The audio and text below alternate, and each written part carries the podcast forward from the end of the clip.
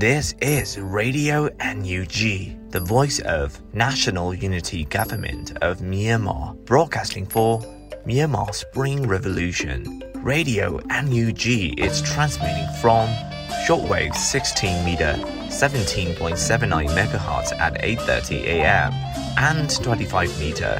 11.94 megahertz at 8:30 p.m. Myanmar Standard Time. မင်္ဂလာပါခင်ဗျာ အမျိုးသားညီညွတ်ရေးအစိုးရရဲ့အတန်လွင့်ဌာန Radio NUG ကိုမနက်ပိုင်း၈နာရီခွဲမှာလိုင်းတို16မီတာစက္ကန့်တက်သမ9 MHz ညပိုင်း၈နာရီခွဲမှာလိုင်းတို25မီတာ17တက်သမ6 MHz တို့မှာဓာတ်ရိုက်ဖမ်းယူနိုင်နိုင်ပါပြီမင်္ဂလာအပေါင်းနဲ့ပြည့်စုံကြပါစေအခုချိန်ကစပြီး Radio NUG အစီအစဉ်တွေကိုဓာတ်ရိုက်အတန်မြင့်ပေးနေပါပြီ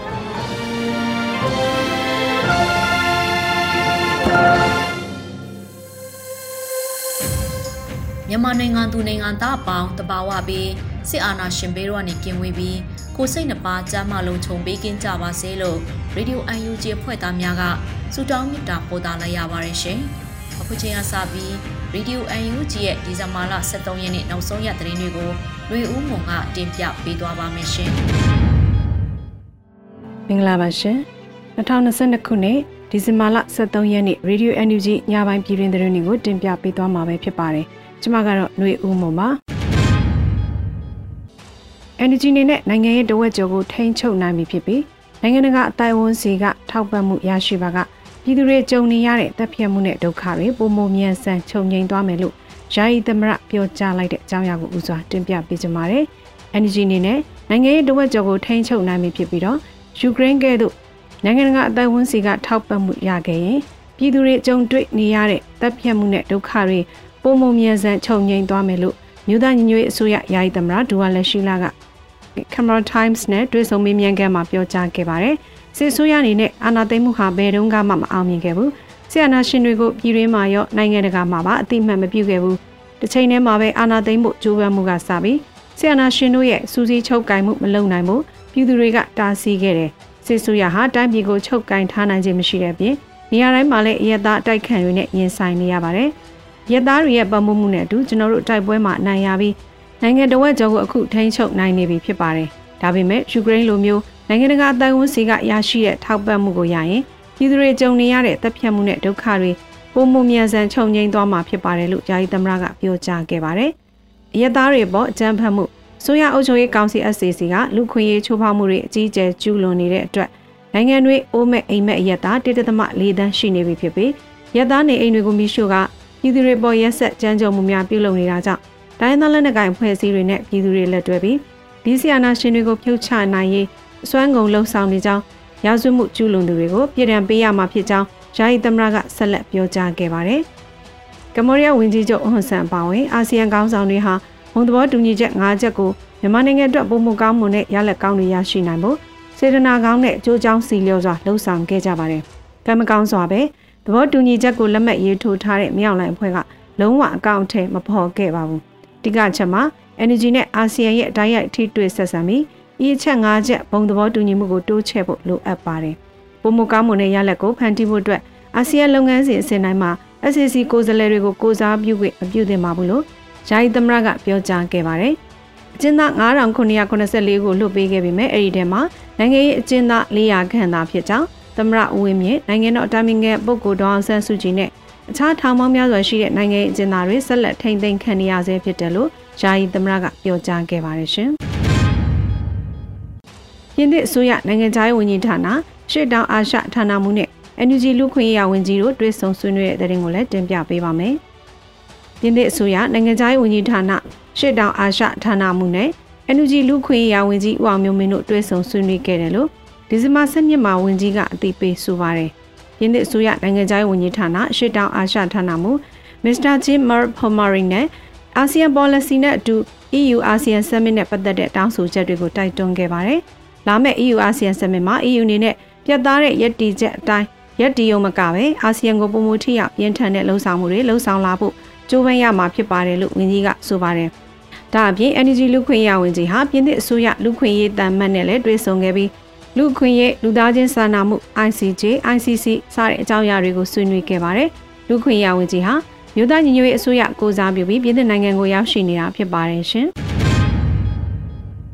စကိုင်းတိုင်းအထီးကျမြို့နယ်မှာစီရီယမ်မွေးနှမ်းများကိုလိုက်လံရှာဖွေဖမ်းဆီးမှုများရှိနေကြောင်းသတိပေးနှိုးဆော်တဲ့သတင်းကိုလည်းတင်ပြပေးပါမယ်။စကိုင်းတိုင်းအထီးကျမြို့နယ်မှာစီရီယမ်မွေးနှမ်းတွေကိုလိုက်လံရှာဖွေဖမ်းဆီးမှုများရှိနေကြောင်းဒီဇင်ဘာ7ရက်မှာထိကြိုက်တော်လိုင်းအင်အားစုကသတိပေးဆိုထားပါတယ်။ ခုတလော့မြို့ပေါ်ဒလန်များနဲ့ဌာနဆိုင်ရာနန်းစီရီယမ်တွေပူးပေါင်းပြီးစီရီယမ်တွေနဲ့သက်ဆိုင်ရာမိဘများအထိရှာဖွေဖမ်းဆီးခြင်း PDF ထောက်ပံ့နေဆိုတဲ့ခေါင်းစဉ်အမျိုးမျိုးပြပြီးရှာဖွေဖမ်းဆီးခြင်းများခက်စိတ်စိတ်ပြုလုပ်လာနေတာတွေ့ရှိရပါတယ်။ PDF နဲ့သက်ဆိုင်နေဆိုပြီးတိုင်တန်းလာသမျှဆိုင်ဆိုင်မဆိုင်ဆိုင်ရှာဖွေဖမ်းဆီးခြင်းများဇက်တိုက်လှုံ့ဆော်လာနေကြပါတယ်လို့ဖော်ပြပါတယ်။တို့ဖြစ်တာကြောင့်စီရီယမ်များသက်ဆိုင်ရာပြည်သူများအနေနဲ့အချိန်မြေခေါင်းစဉ်မျိုးမျိုးနဲ့ဒလန်မျိုးစုံရဲ့တိုင်တန်းခြင်းများနန်းစီရီယမ်အကြီးစားများရဲ့ဦးဆောင်မှုများနဲ့ ဖမ်းဆီးခြင်းများရှိလာနိုင်တာကြောင့်အထူးအထူးသတိပြုနေထိုင်ကြပါရန်သတိပေးထားပါတယ်ရှင်။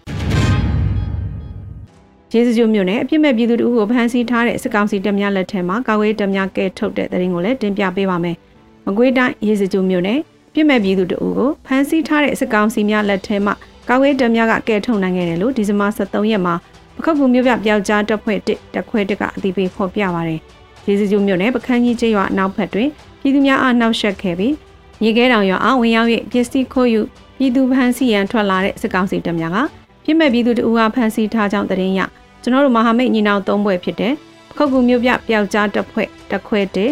Urban Underground Force 27 Revolution Force တို့ပူးပေါင်းကသွားရောက်ကဲထုတ်ခဲ့ပါတယ်လို့ဆိုပါတယ်။မဟာမိတ်ရဲဘော်များနဲ့စစ်ကောင်စီတပ်များပြန်လည်ထိတွေ့တိုက်ပွဲဖြစ်ပွားခဲ့ပြီးပြစ်မဲ့ပြည်သူအားကဲထုတ်နိုင်ခဲ့ပေမဲ့စစ်ကောင်စီဘက်မှလက်နက်အင်အားများစွာတာလွန်နေတာကြောင့်ဆုတ်ခွာခဲ့ရတယ်လို့ဆိုပါတယ်ရှင်။ နတ်ဆန်မြို့နယ်ကုန်းသာရဗန်ကျေးရွာရွာလုံးကျွတ်စစ်ကောင်စီတပ်လက်နက်ကြီးထိမှန်ပြီးရစရာမရှိအောင်ပျက်စီးတဲ့တရင်ကိုလည်းတင်ပြပေးပါမယ်။ရှမ်းပြည်နယ်နမ်ဆန်မြို့နယ်ကုန်းသာရဗန်ကျေးရွာရွာလုံးကျွတ်စစ်ကောင်စီတပ်လက်နက်ကြီးထိမှန်ပြီးရစရာမရှိအောင်ပျက်စီးသွားတယ်လို့ဒီဇင်ဘာလ23ရက်နေ့မှာ PSLF TNL တရင်နဲ့ပြန်ကြားရေးဌာနကထုတ်ပြန်ပါတယ်။တအောင်းပြည်နယ်တမဟာနစ်စစ်ဒေသနမ်ဆန်မြို့နယ်ကုန်းသာရဗန်ကျေးရွာအားဒီဇင်ဘာ9ရက်နေ့တွင်စစ်ကောင်စီတပ်မှလေကြောင်းနဲ့စီးနင်းတိုက်ခတ်ရာ လူနေအိမ်လေးအိမ်မိလောင်ပြကြပြီးရွာလုံးကျွတ်လက်နက်ကြီးထိမှန်ပျက်စီးသွားတယ်လို့ဖော်ပြပါတယ်။ကုန်းသားကျွာတွင်အင်ဂျင်60ဝန်းကျင်ခန့်ရှိပြီးမိလောင်ပျက်စီးမှုအခြေအနေနဲ့လက်နက်ကြီးပစ်ခတ်ခံရမှုအခြေအနေတွေကိုကုန်းသားရွာကန်တဦးကအခုလိုအတည်ပြုဆိုပါတယ်။လူနေအိမ်လေးအိမ်ကိုစစ်ကောင်စီတပ်တွေကမီးရှို့လိုက်လို့မီးလောင်ပြကြသွားတယ်။ဘုံကြီးကျောင်းစာတင်ကျောင်းပါဝင်အင်ဂျင်90ကျော်ဝန်းကျင်ကိုလည်းသူတို့ကတနက်တွေနဲ့ပြစ်တယ်။လေးနဲ့လည်းဘုံကျဲတယ်။ပြီးတော့လက်နက်ကြီးလည်းထိတယ်။ မိမလောင်ပေမဲ့အကုန်းထိကပျက်စီးကုန်ပြီလို့ကုန်းသားရွာကန်ကဆိုပါတယ်။ကုန်းသားရွာနဲ့နီးစပ်ဆုံးရွာဖြစ်တဲ့ဟူမန်ရွာနဲ့ပန်းလောက်ရွာကိုလည်းစစ်ကောင်စီရဲ့စစ်ကြောင်းတွေကရွာကန်များရဲ့နေအိမ်တွေကိုဖောက်ထွင်းမွေနောက်ပြီးငွေနဲ့ရွှေတွေယူဆောင်သွားတယ်လို့ဆိုပါတယ်။သူတို့ရွာထဲကိုစစ်ကြောင်းဝင်လာတော့အိမ်တိုင်းကိုဖောက်ပြီးမွေသွားတယ်။တချို့အိမ်ဆိုရွှေတဲ့ပစ္စည်းတွေပါသွားတယ်။ကျမဆိုင်ကိုလည်းတော့ဖြတ်ပြီးစားစရာတွေဆန်အိတ်တွေကိုလည်းဖောက်ပြီးသူတို့နိုင်တဲ့လောက်ကိုယူသွားတယ်။ ပြီးတော့ကျမရောင်းလို့ရတဲ့ငွေနဲ့အရင်းနှီးလုပ်ဖို့ထားထားတဲ့ငွေ18သိန်းကျော်ကိုလည်းယူသွားတယ်လို့ဆိုပါတယ်။လက်ရှိမှာလည်းစစ်ကောင်စီတပ်မှလေကြောင်းပစ်ခတ်တိုက်ခတ်မှုဆက်လက်ပြုလုပ်လျက်ရှိပြီးတိုက်ပွဲများကြောင့်နှစ်ဖက်ထိခိုက်မှုအခြေအနေကိုတော့လက်တလော့အတည်ပြုနိုင်ခြင်းမရှိသေးဘူးလို့သိရပါတယ်ရှင်။တပြင်းမြို့နယ်ကိုအင်အားသုံးစစ်ကြောင်းထိုးနေတဲ့အကြမ်းဖက်စစ်တပ်ကဒီကနေ့မနေ့လဲကြွားမိတ်တာကိုမိရှုဖျက်ဆီးနေတဲ့အကြောင်းအရာကိုတင်ပြပေးပါမယ်။စကိုင်းတိုင်းတပြင်းမြို့နယ်ကိုအင်အားသုံးစစ်ကြောင်းထိုးနေတဲ့အကြမ်းဖက်စစ်တပ်ကဒီကနေ့မနေ့လဲ ရွာမိတ်သားကိုမီးရှို့ဖျက်ဆီးခဲ့ကြောင်းကိုဒီဇင်ဘာ23ရက်မှာတပြင်းမြို့နယ်ညီနောင်များအဖွဲ့ကအတည်ပြုဆိုပါတယ်။တပြင်းမြို့နယ်ကျေးရွာများကိုမီးရှို့ဖျက်ဆီးသွားတော့နေအောင်လိုက်တပ်များဟာရွာမိတ်သားကိုမီးရှို့နေပါတယ်လို့ဆိုပါတယ်။ဆယ်ရက်တွင်တပြင်းမြို့နယ်ရှေ့ချမ်းကျေးရွာများကိုဂျမတ်စစ်တပ်မှစစ်ကြောင်းထုတ်မီးရှို့ဖျက်ဆီးမှုများကြောင့်ဒေသခံပြည်သူ3000ခွဲကျော်စစ်ဘေးတိမ်းရှောင်ခဲ့ရပြီးကျေးရွာဆက်ရွှေရွာမှနေအိမ်1600ကျော်မီးရှို့ဖျက်ဆီးခံခဲ့ရကပြည်သူ2000ကျော်အိုးမဲ့အိမ်မဲ့ဖြစ်ခဲ့ရပါတယ်ရှင်။ ဗိုလ်မထားပြည်သူ့ကာကွယ်ရေးတပ်ဖွဲ့ကတနက်အလက်တရာထပ်မံထုတ်လုပ်ဖြန့်ဝေမယ်ဆိုတဲ့သတင်းကိုဆက်လက်တင်ပြပေးပါမယ်။ဗိုလ်မထားပြည်သူ့ကာကွယ်ရေးတပ်ဖွဲ့ကတနက်လက်တရာထပ်မံထုတ်လုပ်ဖြန့်ဝေမယ်လို့ဒီဇင်ဘာလအတွင်းမှာဗိုလ်မထားပြည်သူ့ကာကွယ်ရေးတပ်ဖွဲ့ကသတင်းထုတ်ပြန်ပါတယ်။ဗိုလ်မထားပြည်သူ့ကာကွယ်ရေးတပ်ဖွဲ့ကဒေသခံကြေးရွာပေါင်းစုံပြည်သူ့ကာကွယ်ရေးတပ်နှစ်ဖွဲ့အတွက်တနက်10လက်ကြီးစံမျိုးစုံ189တောက်လက်ပြပုံ73လုံးနဲ့နင်းမိုင်းနှလုံးတို့ကိုပေးအပ်ခဲ့တာဖြစ်ပါတယ်။ဒါအပြင် တနက်လက်တရာလောက်ထပ်မံထုတ်လုပ်ပြီးဖြန့်ဝေပေးသွားဖို့အစီအစဉ်လည်းရှိတယ်လို့သိရှိရပါတယ်ရှင်။ Ranger Clay Defense ဖို့ RKDF အတွက်ကြီးခဲယမ်းများဝယ်ယူဖြစ်တင်ရန်ပြည်သူ့ဆွဲချုပ်ရဲဘော်ကြီးဖို့လက်မှတ်များဆက်လက်ရောင်းချနေတဲ့တဲ့ရင်ကိုလည်းတင်ပြပေးပါမယ်ဒီဇင်ဘာ23ရက်မှာ Ranger Clay Defense Force RKDF ကအခုလိုတည်ပေးဆိုပါတယ်ကျွန်တော်တို့ Ranger Clay Defense Force RKDF အတွက်ကြီးခဲရန်များလိုအပ်နေမှုကိုဖြည့်တင်းနိုင်ရေးအတွက်15ရက်တာရဲမငွေရှာဖွေရေးအစီအစဉ်ကိုစတင်လာတာ ဒီနေ့ဆိုရင်12ရက်တိတိရှိပါပြီဗျလို့ဆိုထားပါတယ်။ကြီးရင်အားလိုအပ်မှုများနေတဲ့အတွက်ဒေါ်လန်ပြည်သူတအုပ်မှ15သိန်းဝန်းကျင်တန်မိုးရှိတဲ့ခရမ်းဆွဲကြောက်ပရွှေဆွဲကြိုတကုံကိုလူရန်ထားရာဒေါ်လန်ပြည်သူများထက်မဲစနစ်နဲ့ပြန်လည်ရောင်းချပြီးတရင်ရဲ့လိုအပ်ချက်တွေကိုပြန်လည်ဖြစ်တင်းသွားမှာဖြစ်ပါတယ်။ခရမ်းဆွဲကြောက်ပါရွှေဆွဲကြိုမဲတစောင်း1000ကျပ်ဖြစ်ပြီးမိဘပြည်သူများမဲတစောင်းဝယ်ယူတိုင်းတရင်ကိုကြည်တောင်ဖြစ်တင်းပြီးသားဖြစ်သွားမှာဖြစ်ပါတယ်ရှင်။ BMW H2 ဂျာမနီကားမဲလက်မှတ်ကန်ဆယ်မဲ့ဖွင့်ပွဲ2023ခုနှစ်ဇန်နဝါရီ1ရက်နေ့ကျင်းပမယ်ဆိုတဲ့သတင်းကိုလည်းတင်ပြပေးကြပါမယ်။ BMW H2 ဂျာမနီကားမဲလက်မှတ်ကိုကန်ဆယ်မဲ့ဖွင့်ပွဲ2023ခုနှစ်ဇန်နဝါရီလ1ရက်နေ့မှာကျင်းပမယ်လို့ NYCBC ကအသိပေးဖော်ပြပါတယ်။ကားလက်မှတ်လေးတွေကုန်တာနဲ့ကန်ဆယ်မဲ့ဖွင့်ပွဲကိုစတင်တော့မှာဖြစ်ပါတယ်။မြန်မြန်ကုန်မြန်မြန်ဖွင့်နိုင်ဖို့မြန်မြန်လေးဝယ်လိုက်ကြရအောင်လို့ဆိုထားပါတယ်။ American Dollar 38,600တန်နဲ့ BMW H2 ဂျာမနီကမဲလက်မှတ် Rafael လက်မှတ်တစ်ဆောင်ကိုဒေါ်လာ100သတ်မှတ်ထားပြီးလက်မှတ်ဆောင်ရည်1000တိတိပဲရောင်းချပေးမှာဖြစ်ပါတယ်။မဲကိုတော့မြန်မာစံတော်ချိန်2023ခုနှစ်ဇန်နဝါရီလ1ရက်နေ့မှာဖွင့်မှာဖြစ်ပြီးလက်မှတ်ဝယ်ဖို့ကိုယ်စားလှယ်တွေစီကိုဆက်သွယ်ရန်အတွက် NYCBC လူမှုကွန်ရက်စာမျက်နှာမှာဖော်ပြထားပါတယ်ရှင်။ခုတင်ပြခဲ့တဲ့သတင်းတွေကိုတော့ Radio NUG သတင်းတောက်မင်းမင်းကပေးပို့ထားတာဖြစ်ပါတယ်။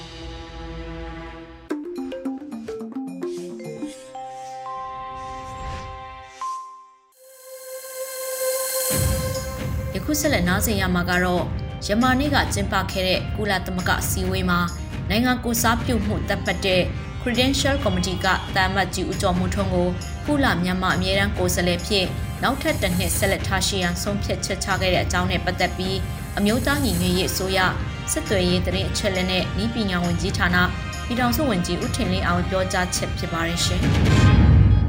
ကျွန်တော်တို့ရဲ့ကုလသမဂ္ဂဆိုင်ရာမြန်မာတမ္မတီဦးကျော်မိုးထွန်းရဲ့နေရာကိုဒီနေ့ဒီဇင်ဘာလ12ရက်နေ့မှာပေါ့နော်ဒီ Credential Committee ကနေပြီးတော့သဘောတူတယ်ရှေ့ဆက်ပြီးတော့ဒီအနေထားအတိုင်းပဲ ရှိနေဖို့အတွက်ကိုသဘောတူတယ်ဆိုတာကိုဒါကျွန်တော်တို့လည်းကြားရတယ်ပေါ့လေဒါပေမဲ့လည်းတရားဝင်ထုတ်ဖော်ပြောဆိုခြင်းတရားဝင်ကြေညာခြင်းတော့မလုပ်သေးဘူးဒါကကျွန်တော်တို့ UNG ပေါ့ UN ရဲ့ General Assembly မှာကြတော့မှဒါကိုသဘောတူညီမှုယူပြီးတော့ကြေညာမယ်ဆိုတာမျိုးကျွန်တော်တို့သိရတယ်ဆိုတော့အဲ့ဒါကိုကျွန်တော်တို့စောင့်ကြည့်အောင်မှာဖြစ်တယ်အဲ့ဒါကတော့ကျွန်တော်တို့လာမဲ့တောက်ကြနေ့ဆိုလို့ရှိရင်ကုလသမဂ္ဂအထွေထွေညီလာခံလုပ်တဲ့အချိန်မှာဒီဟာကိုတင်ပြပြီးတော့သူတို့အနေနဲ့အတည်ပြု ကြေညာမယ်ဆိုတဲ့ဟာမျိုးကျွန်တော်တို့သိရပါတယ်အဲ့တော့ဒါဟာကျွန်တော်တို့အတွက်တကယ့်ကိုကောင်းတဲ့အနေအထားရောက်တယ်လို့ကျွန်တော်တို့ကပြောလို့ရတာပေါ့ပထမတစ်နှစ်ကလည်းပဲကျွန်တော်တို့အနေနဲ့ဒီလိုမျိုးအခြေအနေကိုကျွန်တော်တို့ရရှိခဲ့တယ်အခုလည်းပဲဥကြုံမိုးထွန်းမဲ့ဒီနေရာကိုပြန်ရမယ်စစ်ကောင်စီဘက်ကသူတို့ရဲ့ကိုယ်စားလှယ်ကိုတင်သွင်းတယ်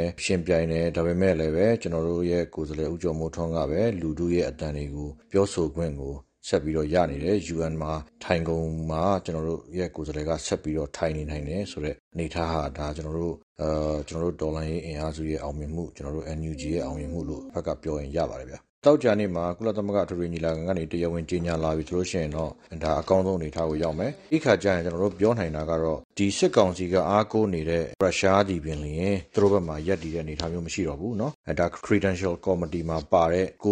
နိုင်ငံထဲက တနိုင်ငံ၊သူတို့ အားကိုးဆုံးနိုင်ငံတွေထဲက တနိုင်ငံပေါ့။ထို့အတူပဲ တရုတ်သည်လည်းပဲ ဒီကိစ္စမှာတော့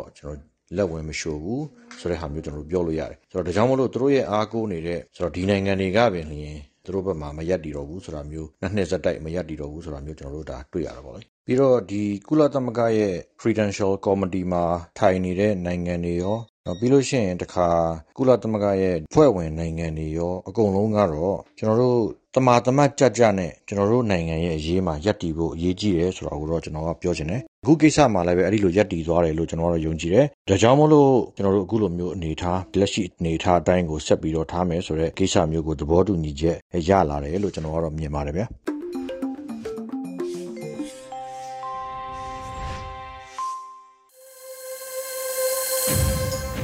ခုဆက်လက်ပြီးစကိုင်းတောင်လို့အမည်ရတဲ့တော်လှန်ကပြောင်တပုတ်ကိုနားဆင်ရဖို့ရှိပါတယ်။မောင်တင်သက်ရေးဖွဲ့ထားပြီးနှွေဦးမှုကခန်းစားရွတ်ဖတ်ထားပါတယ်ရှင်။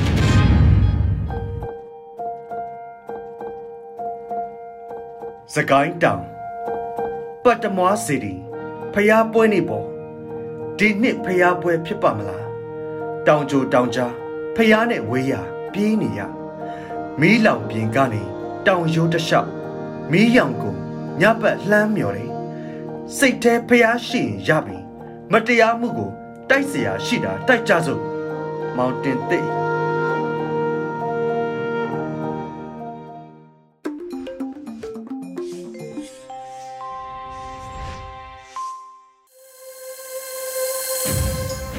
ဆက်လက်နားဆင်ရမှာကတော့လူအခွင့်အရေးအသိပညာကဏ္ဍအစီအစဉ်ကနေ နိုင်ငံတနိုင်ငံရဲ့တရားစီရင်တဲ့လူအခွင့်အရေးဆက်ဆက်မှုဆိုတဲ့အကြောင်းကိုတင်ဆက်ပေးသွားပါမယ်ရှင်။မင်္ဂလာပါ။ဒီနေ့မျှဝေပေးမှာကတော့တရားစီရင်ရေးကဏ္ဍနဲ့လူအခွင့်အရေးအကြောင်းကိုမျှဝေပေးမှာဖြစ်ပါတယ်။ဒီမိုကရေစီကျင့်စဉ်မှာအုပ်ချုပ်ရေးဥပဒေပြုရေးနဲ့တရားစီရင်ရေးဆိုတဲ့မဏ္ဍိုင်သုံးခုဟာမရှိမဖြစ်လိုအပ်တဲ့အရာတွေဖြစ်တယ်။နိုင်ငံတနိုင်ငံရဲ့ဖွဲ့စည်းပုံအခြေခံဥပဒေမှာဒီမန်နိုင်၃ခုရဲ့တာဝန်တွေကိုတိတိကျကျဖော်ပြထားသလို မန်နိုင်တွေတစ်ခုတစ်ခုအပြန်အလှန်ထိန်းကျောင်းမှုထိန်းကျောင်းနည်းတွေကိုလည်းရည်သားထားလေးရှိပါတယ်။အဲ့ဒီမန်နိုင်၃ခုတွေကတရားစီရင်ရေးမန်နိုင်ရဲ့အခန်းကဏ္ဍနဲ့အရေးပါပုံကိုဆွေးနွေးသွားရအောင်။တရားစီရင်ရေးဆိုတဲ့အမည်တိုင်းဒီကဏ္ဍရဲ့အဓိကတာဝန်တွေကတော့အငင်းပွားမှုတစ်ခုခုဖြစ်လာရင်ဥပဒေမှာတတ်မှတ်ထားတဲ့ပြဋ္ဌာန်းချက်တွေအတိုင်းတမန်တမတ်ကြကြဖြည့်ရှင်းပေးတဲ့တာဝန်ဖြစ်တယ်။ဒီလိုဖြည့်ရှင်းတဲ့အခါမှာတရားစီရင်ရေးမှန်နိုင်ရလဲတရားရေးဆိုင်ရာလူ့ခွင့်ရေးတွေကို လေးစားကောက်ဝေပေးဖို့လိုအပ်ပါတယ်။တရားရင်ဆိုင်နေရတဲ့သူတွေကိုဘလို့အကြောင်းနဲ့မှခွဲခြားခြင်းမရှိပဲမြင့်မြတ်တတတရားစီရင်ပေးရမယ်။တရားစီရင်တဲ့အခါမှာလူများကြားနာနိုင်မယ်တရားရုံးမှာစီစဉ်ရမယ်။တရားရင်ဆိုင်နေရတဲ့သူတိုင်းမှာအမှုနဲ့သက်ဆိုင်တဲ့အချက်လက်တွေကိုသိရှိဖို့လိုအပ်ပါတယ်။နောက်ပြီးရှင်းနေခေါ်ခွင့်မြင့်မြင့်သက်သေရပိုင်ခွင့်တွေလည်းရှိရပါမယ်။တရားစီရင်မှုကိုမကျေနပ်တဲ့အခါအယူခံဝင်ပိုင်ခွင့်ကိုခွင့်ပြုထားရမယ်။ ဒီလိုတရားရေးဆိုင်ရာအခွင့်အရေးတွေကိုနိုင်ငံတွင်းမှာရှိရတဲ့သူတိုင်းခွဲခြားမှုမရှိဘဲရရှိခံစားနိုင်မှုအတွက်ဖွဲ့စည်းပုံအခြေခံဥပဒေထဲမှာတိတိကျကျဖော်ပြထားရမယ်။တရားစီရင်ရေးမှန်တဲ့နောက်ထပ်တာဝန်တစ်ခုကတော့အုပ်ချုပ်ရေးမှန်တိုင်းမှာတာဝန်ထမ်းဆောင်နေတဲ့အစိုးရဝန်ထမ်းတွေအနေနဲ့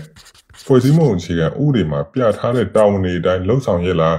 ဒါမှမဟုတ်မလှုပ်ဆောင်ရမယ့်အလုပ်တွေကိုလှုပ်ဆောင်နေလားဒါတွေကိုဆုံးဖြတ်ပေးရမယ့်တာဝန်လည်းရှိတယ်။ ရေးယူဆောင်ရွက်မှုတွေကိုလှုပ်ဆောင်နိုင်ဖို့ဆိုတာ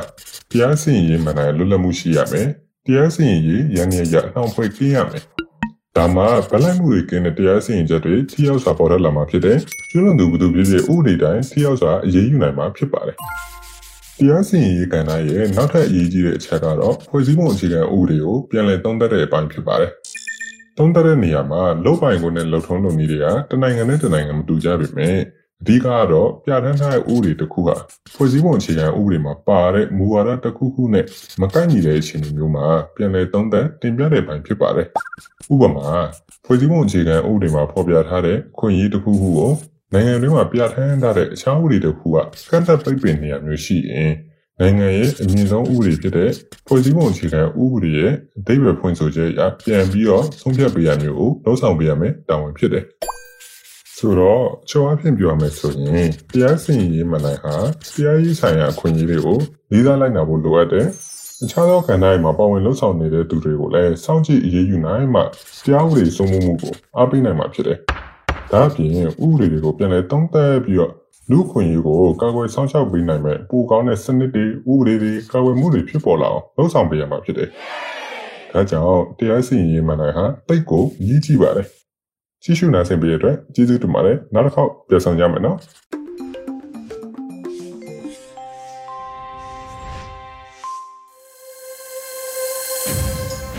Radio UNG မှာဆက်လက်တန်ထွင်ပေးနေပါတယ်။ဆက်လက်ပြီး Radio UNG ရဲ့ Online တေဂီတအစီအစဉ်ကနေ Justice ဆိုတဲ့ဒေသချင်းကိုຫນွေဦးချစ်သူရေးဖွဲ့ထားပြီးတူတူနဲ့အဖွဲ့ကတီးဆိုပေးထားတာနားဆင်ရပါမယ်ရှင်။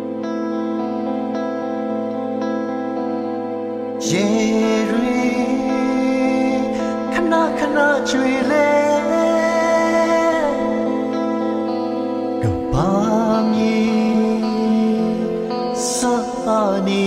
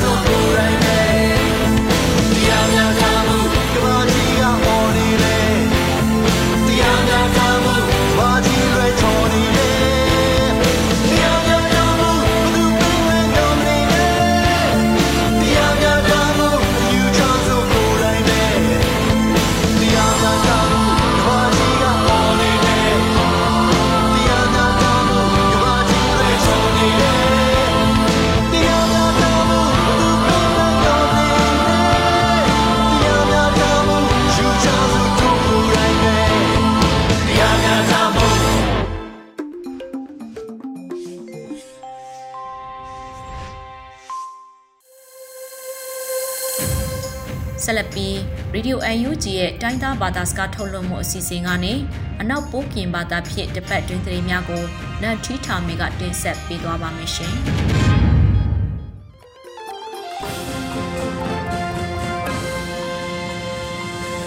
နိမမကွာဒီလာဆေပစုံရေးဆောင်ပါမနတိလစေစာစီဆချောင်းဝဲပဒူအန်ယူဂျီလန်ခွေလူဖလုံရှိုစတီလန်ဒိုလန်ဖနော်လော မနယောအိုင်ဒိုဒပလောက်ချေမနတိမကနုယာတမ်ပဘတ်စထရလန်တာစပရလဖာနော်လောပါလကဒပလောက်တန်စပရလဖာနော်ဘမဝိဒယာနန်ထိထမီနော်လောစပရခန်တကရွေနော်မဝိဒါလာအမေရိကလပ်လနုဘာအောက်ကေကဝိဒါလအမွဲစစ်စာစပ်ဒန်စလိုက်တနော NTAA နိထောင်နိစီတယော လကကြီးကရပါမွေးတာလက်စလေးထန်လေးထောက်ကမိန်နော်ဂိုက်ခဆောက်ခန္ဓုတစမအောင်နော်လာလံဝိတာလက်လာတိစင်ဘခွေးတဲ့နာအောင်နော်လောလပ်လနုဖော်ဒုနိမလစဖတ်တဲ့ရိုက်စီခုစီဖော်တုလနိထောင်နိစီတကရုစီအနေကအောက်ကေကခထိုင် NDAA ရောလစဖတ်ရောနော်လောလက်ထပ်လနုဖော်ကပတ်ဆက်အောက်ကေခဝိတာကအောင်လန်ထန်နေလာနေကြီးဆက်ရောနော်မွဲလေလကကြီးကရပါစလေးထန်လေးထောက်ကမိန်နော်လော တနုံယောနော်ဒီမိုကရေစီကပါလန်နုလန်ခိုင်ကွာခမနလဖာကမဝိဒါကိုက်ထန်စယူလကမိန်နော်လောခအမေရိကတိကန် National Defense Authorization Act 2023 NDAA ရောလက်ခပြတိကန်ဘကနေရောအကန်ကခုဒဖိလမဆေဝိဒကနေကထိတ်လန်ကွေထားဝိဒါနော်လော National Defense Authorization Act 2023 NDAA ရော လူနီမစကံဖလောက်လလဘလနုဖောကောကပခငါထိုင်စီနေရောကောအမခန့်ကုဒုစီလန်ထိုင်စုမှုနော်ကောက်ကရခဝိဒါမို့တနုံတုကနိဝိဒါနော်လောစစ်ပရလက်ခိုက်ကရွေးနော်မဝိဒါဘာထွေလဲဆောက်ဆောက်ခလဲကရောဖန်ကူလဲတိခန့်ကူကလက်ဖအစမဆလက်ဖကနိအထဝိဒါနော်အဂိုက်ခက်ဆောက်ခန္ဒူဒေါ်တာဇဝေဆုနော်လာလဝိဒါလဲလာဒီဇင်ဘာအထောက်တာအောင်နော်လောလဲအာဆီယံဆမစ် စောက်ကဖတ်တူကအလန်ခိုင်လက်တီခန့်ကူကလက်ဖတ်နော်ဂိုက်ပိလမဆက်ဆက်ပါအာထဝိဒါကောဖိတ်သူဆက်လက်ဖတ်စီကအာထဝိဒါနော်လောလက်ဆက်ရဖန်ကူဘာထူလက်ပဝေးတီဆောက်ဆောက်ခလဲဂိုက်လက်ဖတ်ဖစီးထွေတဲ့ဆောက်ဆောက်ခလဲဂိုက်လနနန်တဲ့လက်ကကုတီခန့်စမဆအုကလက်ဖတ်စီခိုင်နီအာထဝိဒါအကြောင်းဆက်ရနော်ပဝေးတီအကကကလည်းရနေထောင်နေစီတန်းနေအကကိုက်ထန်တီလမွဲစဒုစခါလက်ဖတ်ဖ ရှားကောက်စားဆိုပါခေါ်လို့တာအကန်စတိုင်ဝိုင်းဆူဆလက်ဖာအကိုက်ကကြီးထံဝိဒါနောအကိုက်လောင်လောင်ဝိဒါနောလောလကတိပါပါထွေလက်စီထွေတဲ့ဆောက်ဆောက်လေလက်ဖယောကန်စီတိုင်ဝိုင်ထဝိဒါအောက်ထအာထဝိဒါနောအကိုက်လောင်လောင်ဝိဒါနောလောစစ်ပရလက်ခိုက်ကရွေးနော်မဝိဒါလေထောက်လက်ထိုက်ထိခက်ခပ်ပြန်ပမာစဖူလက်ဖာပါဒါဆရာစက်ကစကိုင်စန်ထားလက်ဖယောအဖန်ကူအိုက်ဒိုမာခုလန်ဆာ နော်ဂိုင်အန်ယူချီပမာဆက်ပွေခန်းဒူနီယာလကနော်ဒါခုလန်ချိုင်လက်ထိုက်တီခမ်ဘလန်ဒူဘာဆိုင်လက်ပမာဆက်ပွအဂိုင်ကမတီရောဖလာလန်ဝိဒါနော်လောစစ်စားစီစရှောင်းဝဲပဒူပမာဆက်ပွေခန်းဒူစမလန်တဲ့ထိုက်တီခမ်ဘလန်ဒူပမာဆက်ပွအဂိုင်ကမတီပလန်စန်နေတဲ့ဒါခုလန်ကာထိုက်ဆက်ရောခုဒမိုင်းဒါလက်လာတီစနိပနွေးတဲ့လဲဇူမီတီနော်လော လက်စတာခုလကစမုဖကဆောက်ခနုနခလိုက်ဝဲတက်မလို့ထိုင်ဆက်ကောခနုနီရလကနောလက်ခနုစမလန်ခုနမခုလဆက်အထလလဖာလေထောက်လထိုက်တိခန့်ခပ်ပြပမာစပူလက်ဖာမာရဆရာစကစကိုင်လက်ဖာရောဖန်ကိုကိုက်ဒိုမခုလဆက်လက်ဖာရောမွေကြီးလက်ဘလန်ဒူပမာဆက်ပွဲကမတီပပလန်ဆန်နန်တဲ့နေရဲတီနောအဝေးတီကမခုလဆက်ကနိဝိဒါကြောင့်ဖလောက်ခိုင်ဖလက်ဖာရောစီထုခွန်ကာထိုင်ဝိဒါနော်လော စစ်ပရလက်ခိုက်ထကရွေးနမဝိဒါလာအာဆီယံ EU ခုနလက်ဖာဆောက်ကောဖတ်ဒူအချောကဆက်ကခုလန်ချိုင်ခန့်ပြအခိုက်ဖအဝိဒါနောအခိုက်ပြရပါနော်လောကဘာစကုဒမိုင်းဒါလလိုက်ဒီဇင်ဘကစီလီတလက်ပချီယန်ချီကန်ဘရက်ဆယ်ဝိဖလအမွဲအာဆီယံ EU ခုနလက်ဖာဆောက်ကောဖတ်ဒူရောကဆတ်ထဝိဒါနော်လောလက်ဆောက်ကောဖတ်ဒူရောဖကဆက်အောက်ကောခုလန်ချိုင်ခန့်ပြအခိုက်ဖန်စီအဝိဒါနော်လော ကကိုက်ထအာဆီယံပပလန်စနအတန်လမွဲအင်ဒိုနီးရှားတိခနော်အဆိုင်လကမာပရန်ချိုင်ခန့်ပြအခိုက်ဖန်လက်ဖာရောဖန်ကို EU နော်ကပိလန်မဆဆအခိုက်ကြောင့်တဲ့ဘာထွေလဲအာဆီယံယူရိုတမကတန်ခွာဖတ်ဒူနော်ထွတ်ထလောင်လောင်ဝိဒါနော်လော ထိခန့်ငါလကတိပါအော်လလန်ဝန်ဖကဒူနီပါစမဆရှူအကတဲ့ခုဒမပရန်ချိုင်ခန့်ပြစကစကိုင်လက်ဖာယောကနေကကပဖိလမဆဝိဒါဂိုက်တဲ့ကပကမဆခုလန်ချိုင်အင်ဒိုနီးရှားယောစီတိယဘာနော်လောအနော်မှာလက်ဒီမိုကရေစီဖတာဖောင်းကိုခပ်ပြထိခံပူလက်ဖာကဒိုနီနိုင်မစတိုစလောင်းနော်လောဘုနော်တော့အာဆီယံတပ်စပတ်လန်ခိုရဲ့မယောစီတမှုဖူကောင်းတော့ချောင်းမှုစကနီယောခုတော်မှာဖောက်ထံဝလနင်းဒိဗန်နော်ဂိုက်စီ တိယဘာနော်လောစနော်ကြောင့် EU နော်ကကိုက်ချန်အာဆီယံပုံလဆန်နအတန်လမွဲအင်ဒိုနီးရှားရောကပိလမဆဝိတာအလက်အဝေးနော်ဂိုက်တန်ခွာဖတ်ဒူနော်ထိတ်လန်လောင်လောင်ဝိတာနော်လောမကနိယာတမ်ပဘတ်စထရလန်တာစစ်ပရလဖာနော်မွန်တာခွေလောပကံပြထိခန့်တဲ့ခုနစပူလဖာကိုကဘုသူကဒုနိမစမဆရှုစုဖလိုက်ကပဆိုရင်ဆုံးမပါနော်